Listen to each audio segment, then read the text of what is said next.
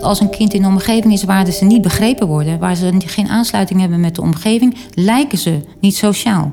Maar ze zijn het vaak wel. En als ze dan bij kinderen komen die beter bij hen passen qua leerniveau, zeg maar, en uh, hoe ze sociaal omgaan met elkaar, dan passen ze daar juist beter bij en ontwikkelen ze zich beter.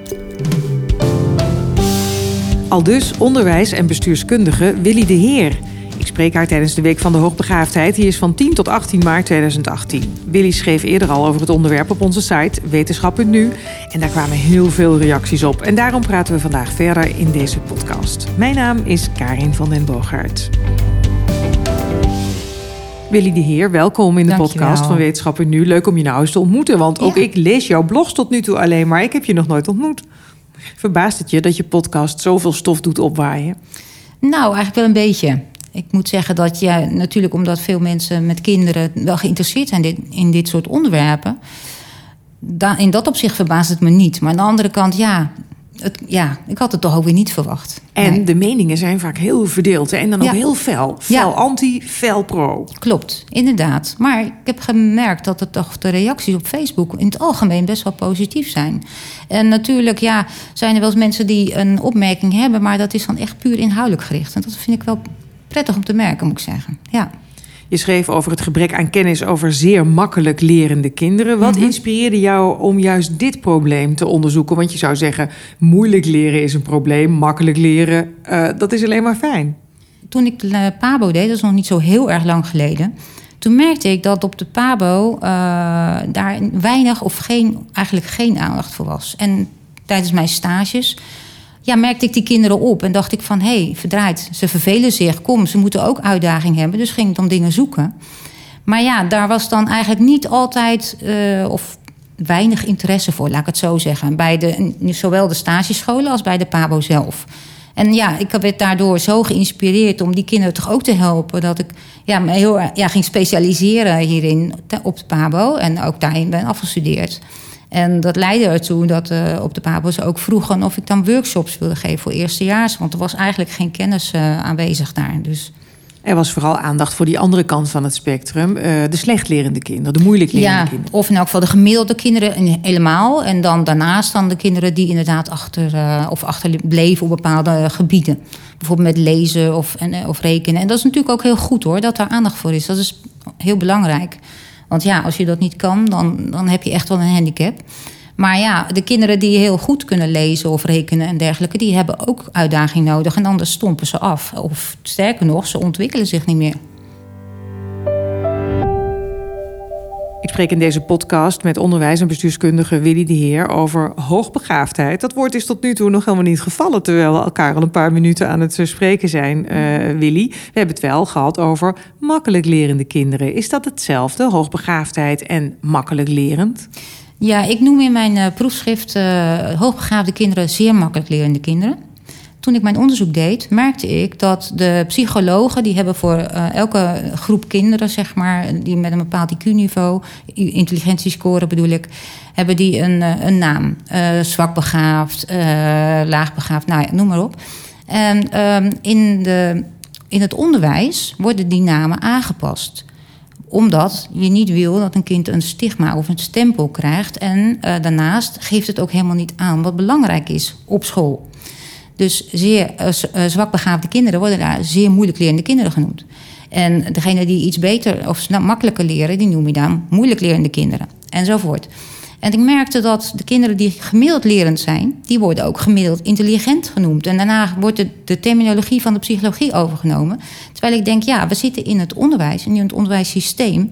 En het is voor, ook voor die groepen kinderen belangrijk dat ze over hun leervermogen wordt gepraat. En niet over intelligentie. Bovendien geeft dat vaak een beetje een, ja, een nare bijklank voor de kinderen. Dus vandaar dat hoogbegaafde kinderen noem ik zeer makkelijk lerende kinderen. En begaafde kinderen noem ik makkelijk lerende kinderen en zo verder. Dus eigenlijk moeten we van die terminologie af ook, vind jij, die formulering zoals jij die net beschrijft? Ik vind wel dat je in het onderwijs van die terminologie af moet. Ja, absoluut. En dus praat je ook eigenlijk niet over hoogbegaafdheid, nee. hè? Nee, nee. nee. ik dus heb eigenlijk een beetje hekel aan het woord. Ja, omdat het... Ja uh, een verkeerde term is, zoals je net uh, ook uitlegt. Hè? Ja, en zeker als je mensen dan ook nog hebt die kinderen HB noemen. Nou, ik denk altijd aan hoge bloeddruk of zo. En denk van, hou alsjeblieft op. Ik krijg er hoge bloeddruk van. nou, een missie in ieder geval al om die term dan de wereld uit te krijgen, ja. Willy de Heer. Dat is missie nummer één, want je hebt er nog wel absoluut. meer. Als we het dan hebben over zeer makkelijk lerende kinderen. Mhm. Hoe herken je die? Hoe herken je die? Als ouder of als leerkracht, dat maakt niet uit. Het, is, uh, het zijn kinderen die sneller dan gemiddeld zich ontwikkelen. Uit zichzelf althans. En vaak is dat al thuis te merken, maar het is heel logisch dat ouders dat niet allemaal zelf merken. Want ja, je weet ook niet waar je op moet letten. Je hebt geen idee hoe snel een gemiddeld lerend kind leert. Dus dat jouw kind al uh, snel puzzels kan maken of uh, bepaalde dingen heel snel herkent of zich heel goed kan inleven in andermans uh, gevoelens. Dat is voor jou ja, normaal, want je kent jouw kind en verder niet. Maar als je weet dat een gemiddeld lerend kind op een heel andere manier leert, ja, dan zie je wel het verschil. Dus hoe, ontdek, hoe ontdek je zoiets? Nou, vaak, um, ja, laat ik het zo zeggen, ouders kunnen soms het wel merken. Als je bijvoorbeeld het vergelijkt met andere kinderen, dat begint al op uh, het consultatiebureau. Um, als je bijvoorbeeld een kind hebt, ik heb zelf ook eerlijk gezegd op een consultatiebureau gewerkt als wijkverpleegkundige nog, heel lang geleden. En je hebt trouwens ook kinderen, hè? Ja, ook kinderen. En dan heb je bij elke leeftijd, bijvoorbeeld je komt in het begin met drie maanden op het consultatiebureau, dan heb je zo'n lijstje, wat kan het kind al? Met vier maanden, nou, wat kan het kind al?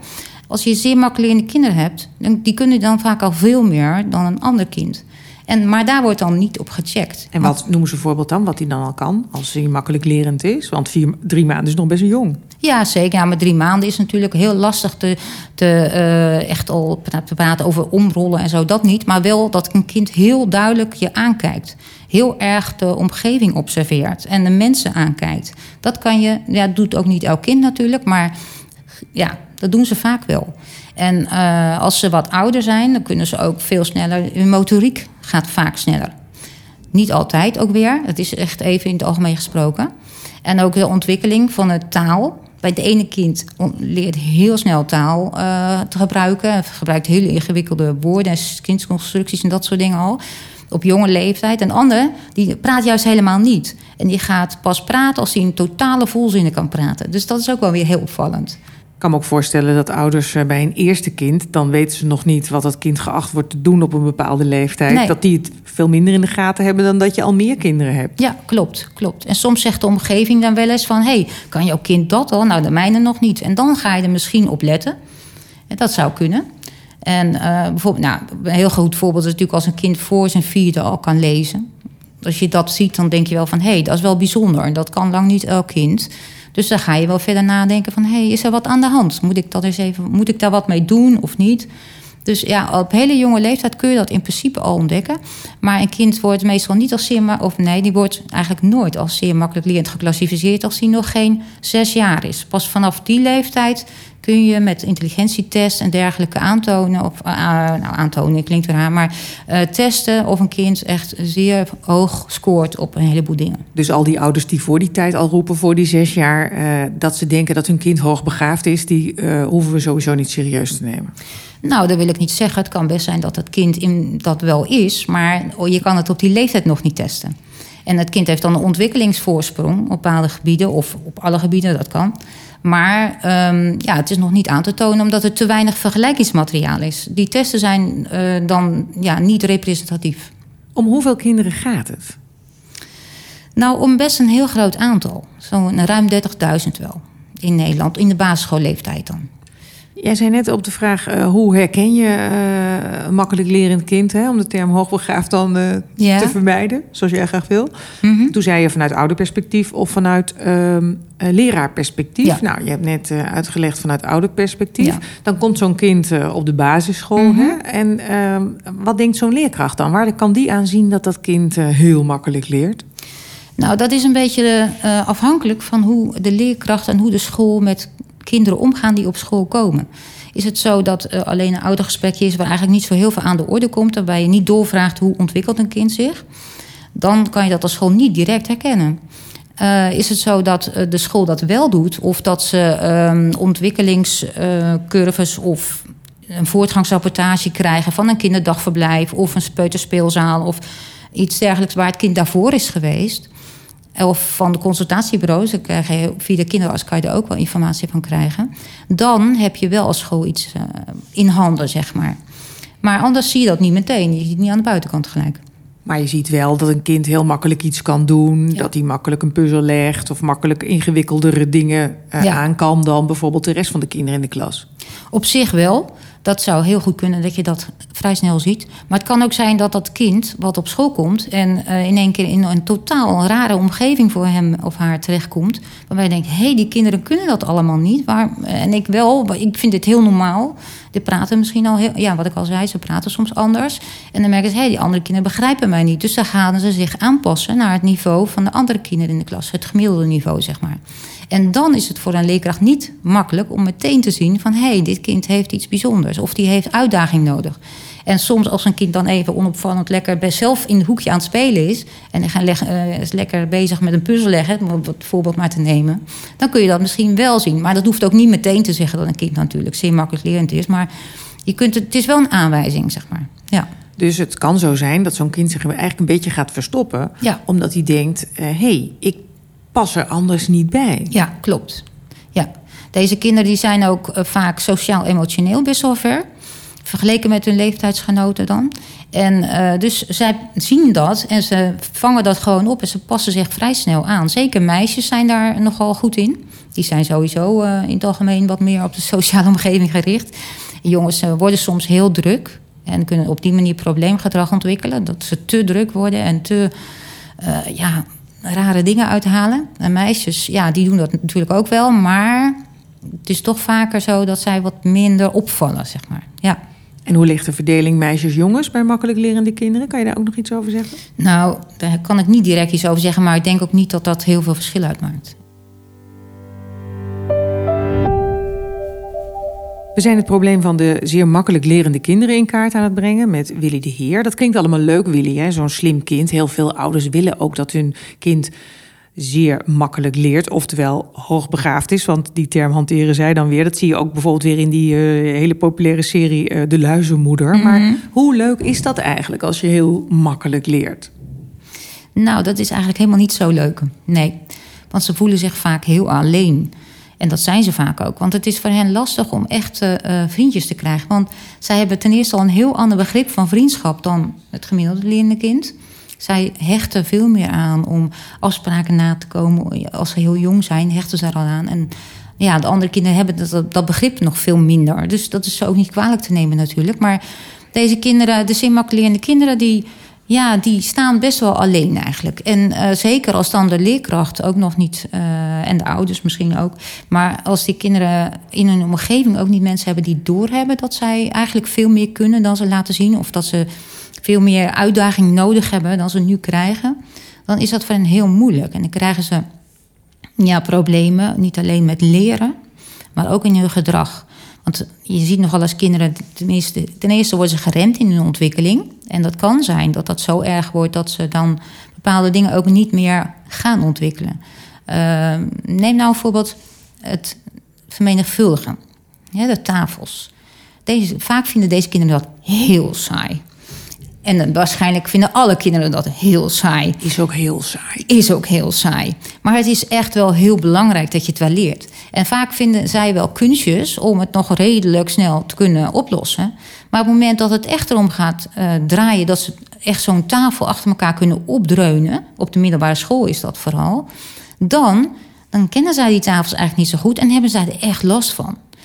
Ja, en dan loop je er tegenaan dat je veel minder goed kan presteren omdat je bepaalde basisdingen hebt, niet hebt aangeleerd of hebt genegeerd of geen zin in had en het op een andere manier hebt opgelost. En zo zijn er nog veel meer voorbeelden te noemen dat ze dingen die zij zichzelf aanleren, dat zij daarmee toch op een gegeven moment tegen een muur aanlopen. Of tegen, ja, ze komen dan niet verder. Dus dat is één. En de andere kant is dat ze sociaal en emotioneel ook echt problemen ontwikkelen. Want sommigen die worden heel somber en zelfs depressief. En uh, ja, die, die krijgen best wel, uh, ja, die voelen zich buitenstaan, buitenstaander. Dus dat is lastig. En dan krijgen ze weer een ander etiket. Dan krijgen ja. ze soms zelfs het etiket dat ze moeilijk lerend zijn. Ja. Of dat ze autistisch zijn. Komt ja. dat daardoor? Ja, nou, dat kan daardoor komen, ja. Ja, want je bedoelt, het komt daardoor dat het door de omgeving komt. Nou, jij zegt net eh, sociale contacten, ze staan er Ja. anders in. Ze hebben andere, ze denken, hé, hey, dit gaat anders dan ik het gewend ben. Of dan, Ja. ze, hebben, ze kijken er anders tegenaan. Ze Mhm. trekken zich dan terug. Ze worden wat, eh, hè, misschien iets antisocialer. Hè? Ze gaan minder om met kinderen. En dan, dat, daar, daar kan dan een stigma als autisme of een eh, aan autisme gerelateerd iets uitkomen. Ja, dat kan, dat kan. Dat zij dat stempel krijgen, terwijl ze het helemaal niet zijn.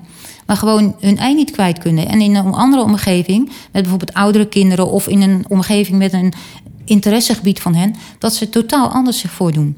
Dat kan. En dan zijn ze dus niet autistisch. Of sommige kinderen krijgen het stempeltje ADHD. Want die worden heel druk en die krijgen probleemgedrag. Ja, eh, vooral, eh, ja, je ziet het bij jongens, maar je ziet het ook wel bij meisjes.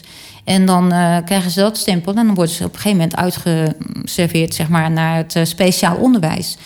Ja, dat is dan weer jammer, want dat is eigenlijk namelijk niet het probleem dan. Jij zei net dat kinderen zich dan gaan aanpassen. Hè? Die eh, sluiten zich af of die gaan juist eh, onderpresteren. Ja. Wat zijn andere symptomen? Nou, kinderen kunnen echt stress gaan krijgen van school en van de omgeving en van de kinderen. En dan misschien op school nog wel redelijk eh, functioneren en thuis totale ander gedrag laten zien. Enorm huilen, niks meer willen of juist heel druk worden, ehm, heel zagrijnig. Ja, heel somber. Dat kan allemaal, dat ze op school lijkt het goed en thuis niet. Ja, Kijk, hartstikke zielig ook. dat is het ook. Ja. Jij hebt vorig jaar onderzoek gedaan. Je bent erop gepromoveerd op dit onderwerp. Wat Mhm. heb je onderzocht? Nou, ik heb daarna gekeken van, ja, er is zoveel kennis op het gebied van eh zeer makkelijk in de kinderen, in de, in de wetenschap. In hoeverre wordt dat nou toegepast in het basisonderwijs en hoe, eh, hoe komt dat, dat het zo goed of niet goed wordt toegepast? Nou, daar bleek uit dat het op basisschoolniveau heel beperkt tot niet wordt toegepast. En eh, daarna ben ik gaan kijken, hoe kan dat dan? Nou, vaak blijkt het dat leerkrachten, hoe goedwillend ze ook zijn, toch de kennis ontbreekt. Ten eerste om deze kinderen te signaleren, maar ten tweede ook om hen te helpen, daadwerkelijk. Daarnaast is ook de omgeving voor hen niet altijd even makkelijk. In die zin dat ze een hele grote klas kunnen hebben, geen hulpmiddelen waarbij ze de kinderen goed kunnen helpen. Of dat eh, collega's of andere ouders hen soms afremmen in hun eh, hulp. Dus ja, dat is een probleem. Daarna ben ik gaan kijken, hoe kan dat nu? Waarom hebben ze die kennis niet en waarom eh, worden ze afgeremd? En? Nou, dan ben ik op PABO-niveau gaan kijken. Ik heb alle hogescholen de curricula ervan bekeken. In het schooljaar 2014, 2015. En vervolgens ben ik bij eh, een paar PABO's verder gaan praten. Interviews gehouden, case study was dat. Het blijkt dus dat eigenlijk op PABO-niveau... ook geen kennis aanwezig is over deze kinderen. Althans, misschien bij een enkeling wel, maar het wordt niet overgedragen. Sowieso niet in de master van, eh, van een, eh, of in de hoofdfase van een opleiding. Maar vaak ook niet in, eh, in keuzefase of in, eh, in verdere fases. Maar dat Ja. is toch eigenlijk heel raar. Want je wil moeilijk lerende kinderen helpen. Je zou zeggen, Ja. je wil ook makkelijk lerende kinderen eh, helpen... door ze eh, hè, meer aan te bieden. Of de oplossingen, daar komen we zo nog even op. Maar je wil allebei eh, kunnen, kunnen helpen. Ja, precies, dat is ook zo. En op zich vinden die pabo's dat natuurlijk ook. Maar het probleem is dat zij, punt 1, denken dat die kennis al aanwezig is op basisschool. Ze zeggen vaak van ja, dat leren ze in de praktijk wel, want eh, op de basisschool zelf. Nou, daar, daar was die kennis niet, had ik al geconstateerd.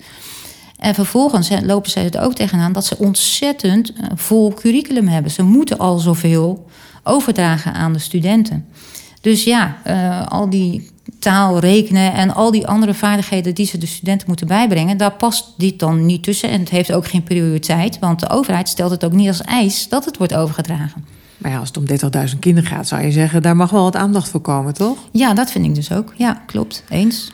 Je hoort wel eens dat makkelijk lerende kinderen eh, een klas over moeten slaan. Dat dat Ja. een hele voor de hand liggende en vrij makkelijke oplossing is. Sta Mhm. jij daarachter? Zeker, absoluut. Ik denk dat dat voor veel kinderen een, een opluchting is. Omdat ze dan eh, ten eerste op ehm, het leerniveau meer uitdaging krijgen. Maar daarnaast ook omdat de, de kinderen beter bij hen passen qua aansluiting, zeg maar, qua sociaal gedrag. Terwijl je daar vaak een andere mening over hoort. Van eh, ze zijn sociaal-emotioneel nog niet eh, goed genoeg om aan te sluiten bij oudere kinderen. Dat is iets wat jij bestrijdt? Ja, dat is absoluut. Uit onderzoek is gebleken dat dat dus niet zo is. Ik heb net al gezegd dat als een kind in een omgeving is waar ze niet begrepen worden, waar ze geen aansluiting hebben met de omgeving, lijken ze niet sociaal. Maar ze zijn het vaak wel. En als ze dan bij kinderen komen die beter bij hen passen qua uh, niveau, nou niveau is er een naar woord, maar uh, leerniveau zeg maar en uh, hoe ze sociaal omgaan met elkaar, dan passen ze daar juist beter bij en ontwikkelen ze zich beter. Dat is interna uit internationaal onderzoek ook echt gebleken dat het veel beter is voor deze kinderen. Willy de je vertelde dat er een gebrek aan kennis is op het gebied van uh, zeer makkelijk lerende kinderen. Dat is ontzettend frustrerend voor het kind, voor de ouders, voor eh, leerkrachten ook natuurlijk. Mhm. Maar er gaan misschien ook wel potentieel uh, genieën verloren. Hè? Want jij beschreef ook al, kinderen raken in zichzelf gekeerd, gefrustreerd, ja. uh, verkeerd schooladvies. nou, wat er allemaal voor ellende uit kan komen. Het lijkt mij dat er alle reden is om te kijken hoe het beter kan. En net hebben we het al over een oplossing gehad. Een klas, misschien wel meer klassen overslaan. Hoe kunnen we er als maatschappij nou voor zorgen dat die kinderen hun intelligentie wel ten volle kunnen benutten? Want daar profiteren wij met z'n allen natuurlijk ook weer van. Absoluut, absoluut. En uh, ja, dat scheelt ook heel veel geld, zeg maar, als je het zo financieel wil zien. Maar voor de kinderen is het met name de levensvreugde echt super belangrijk. En ja, daar moet je heel individueel naar kijken per kind.